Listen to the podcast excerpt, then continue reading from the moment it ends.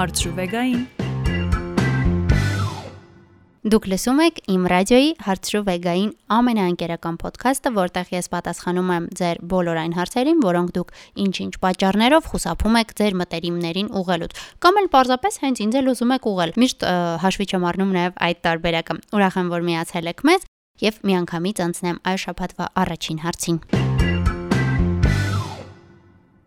Ողջույն Վեգա ջան, բարև ձեզ։ Ես 20 տարեկան աղջիկ եմ։ Շուտով 21։ Արդեն 2 տարի սիրահարված եմ կուրսեցուս։ Մենք հրաշալի կուրս ունենք։ Բոլորս մտերիմ ենք, դրա համար էլ կարծում եմ, որ ցավոք նա ինձ վերաբերվում է ինչպես պարզապես ընկերոջ։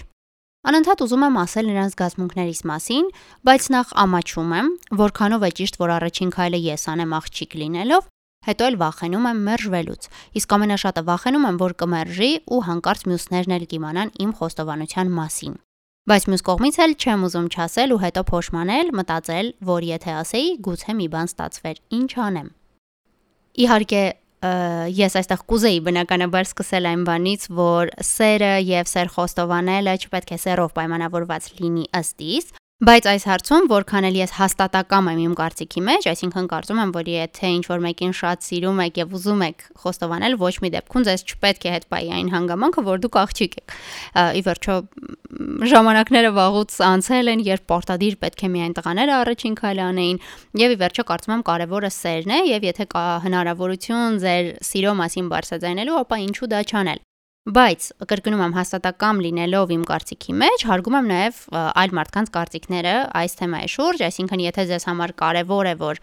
չէ, լավ կլիներ առաջինը տղան քայլանել եւ դուք ամեն դեպքում շատ եք ամաչում այդ մտքից դա ձեզ խորթ է։ Կարծում եմ այստեղ մնում է երկու ելքնել նժարին դնելը։ Օրինակ ինձ համար ձեր երկու վախերից առաջին վախը, որ հանկարծ նա կմերժի հերիք չէ մի բան էլ ամբողջ կուրսը կիմանա որ խոստովանել եք, եւ երկրորդն էլ որ նա այդպես էլ չի իմանա ձեր սիրո մասին եւ դուք այդպես էլ չեք իմանա արդյոք շանս ունեիք թե չէ, ինձ համար վախենալու է թվում միանշանակ երկրորդը։ Ես ինքս հաստատ առաջին պլանում կդնեմ կդնեի սերը եւ միևնույնն է կփորձեի, կասեի, որովհետեւ ժամանակը եւ բոլորիս կենսափորձը կարծում եմ ցույց են տալիս, որ հիմնականում ավելի շատ մենք ափսոսում ենք չարածների համար, քան թե ինչ որ բան անելու։ Հետևաբար խորհուրդ կտամ լավ մտածել այս ուղությամբ եւ հետո դուք նշեցիք, որ բոլորով շատ մտերիմ եք կուրսում, ընկերներ եք, միմյանց շատ սիրում եք, հետեւաբար դուք կարծում եմ չպետք է ամաչեք ձեր ընկերների կարծիքից, եթե նրանք իսկապես ձեր ընկերներն են, դժվար թե նրանց համար բացասական լինի այն հանգամանքը, որ դուք սեր եք խոստովանել ընկերախմբից մեկ այլ մարդու։ Ինչ վերաբերում է այն հանգամանքին, որ ձեզ նա միայն լավ ընկեր է տեսնում ձեր մեջ, ապա գուցե այն բանից հետո, երբ իմանա ձեր զգացմունքների մասին, իր դիտանկյունն էլ այսպես ասած փոխվի եւ նա ձեզ սկսի նայել նաեւ այլ տեսանկյունից։ Եվ ի վերջո չեմ հասկանում ինչու չեք դիտարկում երրորդ ավելի խորամանկ տարբերակը, որը նախկինում շատ տարածված եւ նորաձև էր, օրինակ իմ դպրոցական եւ ուսանողական տարիներին, եթե այդքան ամաչում եք անձամբ խոստովանելուց, բայց ունեք ընդհանուր այդքան շատ ընկերներ, ինչպես ասում են, կարող է դիտիկը փոխանցել ձեր զգացմունքների մասին, գուցե ինչ որ ընդհանուր ընկերների միջոցով իբրև թե պատահաբար ինչ որ կերպ նրան տեղյակ պահեք եւ այդ ժամանակ գուցե նա ինքը ցանկանա ձեզ հետ զրուցել այդ մասին, գուցե այդպես ավելի շատ համարցակություն հավաքեք եւ խոսեք այդ թեմայի շուրջ։ Սա նույնպես որպես տարբերակ դիտարկեք, որովհետեւ իմ կարծիքով ցանկացած ձևով զգացմունքները բարձրաձայնելը ավելի լավ է, քան դրանց մասին լռելը։ Ինչպես հասկանալ, որ այդ մարդուն դեռ սիրում ես։ Կարծում եմ սա շատ բարդ հարց է եւ երբեմն իսկապես դժվար է տարբերել սերը, կախվածությունը, հիացմունքը երբեմն իրականում թվում է թե ամենաուժեղ եւ հզոր զգացմունքն է սերը, բայց երբեմն իսկապես խճճվում ենք եւ չենք կարողանում հասկանալ մեր զգացածը արդյոք սեր է թե ոչ կան մարդիկ եւ ինչպես մեր օրերում տարածված է ասել հարաբերությունների մասնակիցներ, որոնք պնդում են, որ եթե դա սեր լինի, ապա դուք այդ մասին անպայման կիմանաք Կարծում եմ հստակ բանաձև սիրո չկա, այսինքն որևէ մեկը չի կարող բացատրել եւ նկարագրել սերը։ Հետևաբար միայն ինքներդ ձեզ չափազանց անկեղծ լինելով, ինքներդ ձեզ ճիշտ հարցադրումներ անելով, գուցե կկարողանաք պատասխանել այդ հարցին եւ ի վերջո արդյոք արժե այդքան կենտրոնանալ այդ հարցի վրա։ Եթե դուք ինչ որ մեկի նկատմամբ ունեք ջերմ զգացմունքներ, լավ էմոցիաներ, անընդհատ ցանկանում եք նրա կողքին լինել, արժե արդյոք ինքներդ ձեզ բարբերաբար տալ այդ հարցը եւ ճնշել արդյոք սա սեր է, արդյոք սա սեր է։ Եվ ի վերջո արդյոք պարտադիր է զգացմունքներին անուններ տալը։ Եթե դուք այդ մարդու կողքին ձեզ լավ եք զգում, ձեր էմոցիաները նրա նկատմամբ ջերմ են, դուք հասկանում եք, որ այդ մարդը երջանկացնում է ձեզ եւ դա ձեզ բավարարում է, կարծում եմ ավելորդ հարցադրումներով ինքներդ ձեզ ծանրացնելու կարիք չկա։ Ինչ անել, երբ դուք բնակվում եք Երևանում, բայց ծնողներդ ունեն ճակերտներում ասած հին մտածելակերպ, շատ խիստ են, անգամ դեմ են ընկերուհիների հետ ժամանակ անցկացնելուն։ Նման հարց գրեթե բոլոր էպիզոդներում ունենում ենք, միշտ հատկապես պատանիները կամ երիտասարդ ուսանողները խնդիրների բախվում են ծնողների հետ կարծում եմ սա մի խնդիր է, որին բախվել, բախվում եւ թերևս կբախվեն բոլոր ծերունդները Միշտ էլ մեր ծնողների հետ մշակույթների, այսպես ասած, տարբերություններ լինում է։ Այս թեմայով եւս մեկ անգամ խորհուրդ եմ տվել մեկ այլ պատանու, թերևս սիրով կրկնեմ,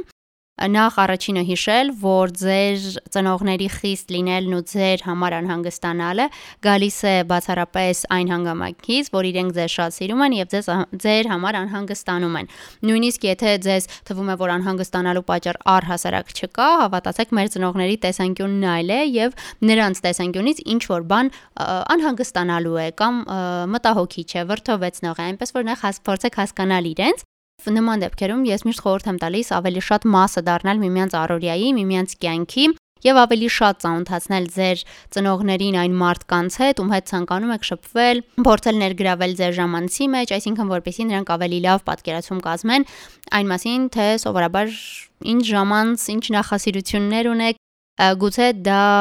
կոտրի ձեր միջև ծառույցը եւ նրանք ավելի հանգիստ լինեն, ավելի շատ վստահեն ձեզ եւ ավելի շատ ազատ եւ հանգիստ ժամանակ տան։ Ինչպես բաց թողնել անցյալն ու անցյալում մնացած մարդկանց։ Ինչ անել, որ ել անցածի մասին չմտածեմ։ Առաջին հերթին կենտրոնանալ այն հանգամանքի վրա, որ անցյալը փոխել հնարավոր չէ։ Կենտրոնացեք այն հանգամանքի վրա, որ անկախ նրանից թե որքան կմտածեք այդ մասին, փոխել միևնույն է ոչինչ չի հաջողվի բայց այն ամբողջ ժամանակահատվածը, որը դուք ծախսում եք անցյալի եւ անցյալում մնացած մարդկանց մասին մտածելով, դուք կարող եք ծախսել ներկան եւ ապագան ավելի լավը դարձնելու համար։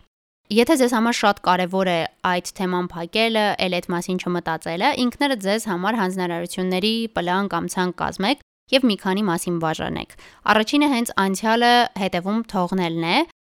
որի համար նախ ինքներդ ձեզ հարց տվեք եւ փորձեք հասկանալ այդ ինչն է ձեզ այդքան ցավ պատճառել, ինչն է ձեզ շատ նեղացնում կամ ինչն է որ կարոտում եք, ինչի պատճառով չեք կարողանում դադարել մտածել անցյալի մասին հասկացեք եւ փորձեք իսկապես ապրել այն զգացմունքները, որոնցից փորձում եք փախչել։ Օրինակ, եթե կա պատճառ լաց լինելու, որը դուք անընդհատ փորձում եք ձեր մտքից ցրել, փորձեք կենտրոնանալ, մտածել դրա մասին, հիշել բոլոր մասնավորները, ինքները ձեզ հետ անկեղծ լինել, հասկանալ հատկապես ինչն է ձեզ ցավ պատճառել եւ եթե պետք է օրինակ լաց լինել, մի լավ լաց եղեք։ Այս առաջին փուլից հետո արդեն կարծում եմ ժամանակն է կենտրոնանալու ներկայի վրա։ Կենտրոնանալու այն բանի վրա, որpիսի ներկան սարքեք այնպիսին, որ երբ այն վերածվի անցյալի, դուք չցանկանաք այլ մոռանալ, այլ հակառակը ուզենաք հիշեք, որովհետև այն ունենա բազմաթիվ լավ էմոցիաներ։ Եթե փորձեմ ամփոփել ավելի կարճ, ապա կարծում եմ միայն ինքներդ ձեր, ձեր ներկայի, ձեր անձնական խնամքի, ձեր հոգու խնամքի վրա ժամանակ ծախսելով է, որ կկարողանաք բաց թողնել անցյալը, մոռանալ այն եւ կենտրոնանալ ինքներդ ձեզ վրա, ձեզ ավելի շատ սիրելու վրա։ Ինչպես մոտիվացնել ինքդ քեզ։ Շատ երազելով Ցավոք մեր երկրում մենք բավական դժվար ժամանակներում ենք ապրում, երբ ապագան կարծես թե փոքր-ինչ վախենալու է թվում, չգիտենք ինչի վրա կանգ առնենք, չգիտենք ինչի մասին արժե երազել, ինչ նպատակներ կարելի է կառուցել, բայց պետք է այդ վախերը թողնենք մի կողմ եւ չվախենանք գոնե երազել։ Ի վերջո, երազել մեզ ոչ ոք չի արգելում եւ եթե երազենք առանց սահմանափակումների, երազենք մեծ, ապա այդ դեպքում կարծում եմ մոտիվացիան ինքն իրեն կգա։ Այս էպիզոդի համար առանձնացրածս հարցերն այսքանն էին։ Սիրով հիշեցնում եմ, որ դուք նույնպես կարող եք ձեր հարցերը ուղարկել, ինչպես մեր Facebook-յան եւ Instagram-յան էջերին, փնտրելով իմ ռադիո, այնպես էլ իմ անձնական էջին, եթե խիստ գախնի որևէ թեմայով եք ուզում գրել եւ ցանկանում եք, որ միմյան ես տեսնեմ, չնայած նույնիսկ այն դեպքում, եթե գրեք մեր Facebook-յան կամ Instagram-յան էջին, միևնույնն է եթերում հարցը հնչում է անանուն, բայց իմեջում ես բարբերաբար տեղադրում եմ նաև հենց անանուն հարցերի համար նախատեսված հղումներ, այդտեղ հարցը ուղղելու դեպքում հարց տվողի ինքնությունը չեմ տեսնում նույնիսկ ես։ Կհանդիպենք մյուս շաբաթ, տեսություն։